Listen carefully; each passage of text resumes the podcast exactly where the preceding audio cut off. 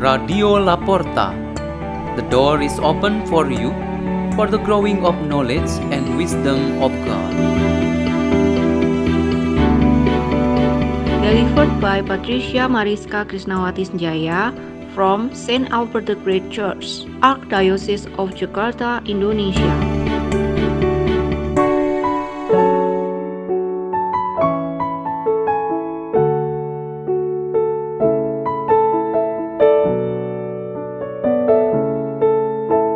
Reading and meditation on the Word of God on Thursday, the second week in Ordinary Time, January 19th, 2023.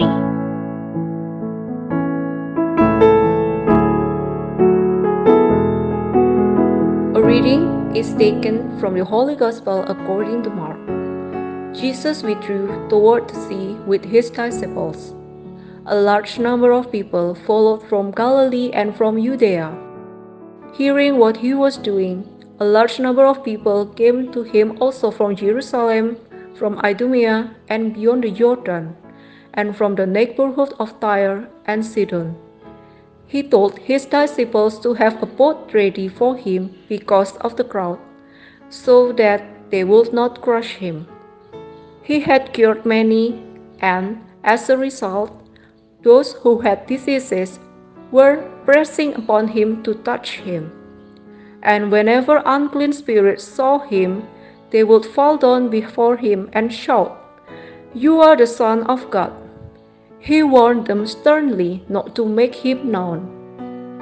The Gospel of the Lord.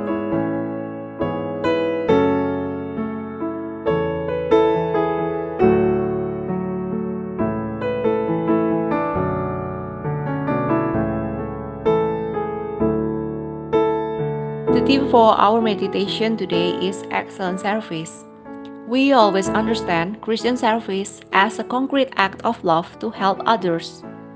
But what often escapes our attention is a special form of service, such as that of a catechist or local community minister in a remote station. The catechist's name is Yohana. Yohana is a mother to four children and a wife to a humble village farmer. All of her work as a catechist, namely the parish priest's right hand, is to teach religion and take care of worship services at the station. She does all of her work voluntarily. She does not need the reward to her services in the church. If the parish priest appreciates a small amount of money or goods, she chooses to give it to the families who are more in need. People always ask her about all of her willingness and sacrifices. Mrs. Yohana casually said that her husband is able to provide for the family. So, she, who is also a farmer, is happy to help her husband, but also has the time and goodwill to serve the church. For years, she has been doing this duty, and her family is so blessed by God. What already done by Mrs. Yohana is a form of an excellent service. Saint Peter, Saint Paul, Saint John, other apostles, and holy men and women of the early church also had a commitment to remain firm in faith in Jesus Christ and to always offer their excellent services, especially in the preaching of the gospel about the kingdom of God and the urgency of repentance from sins. This commitment and mission, fully dedicated, had contributed to the Church a more deeply Christian testimony that was strongly rooted in the Lord and expanded as far as the ends of the earth. Our reading from the letter to the Hebrews today says that Jesus Christ is the creator of excellent and great services and ministries. He is the superior to all the priests prophets, and rabbis known in Israel in the practice of loving services. Not only did ordinary people and religious leaders acknowledge the power of the ministry of Jesus Christ, but in the supernatural world there was also certain acknowledgement. For example, Satan and his followers recognized the power that worked in Jesus.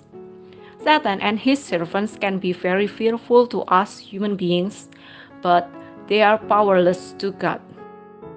If we are always with God and using His holy name in our words and deeds, we will do excellent services and can dispel Satan and all his influences in our lives. The Satan must be defeated. Let us pray. In the name of the Father, and of the Son, and of the Holy Spirit. Amen. O Lord, grant us graces to make our services excellent according to your will. Our Father, who art in heaven, hallowed be thy name. Thy kingdom come, thy will be done, on earth as it is in heaven. Give us this day our daily bread, and forgive us our trespasses, as we forgive those who trespass against us. And lead us not into temptation, but deliver us from evil. Amen. In the name of the Father, and of the Son, and of the Holy Spirit. Amen. Radio La Porta. The door is open for you.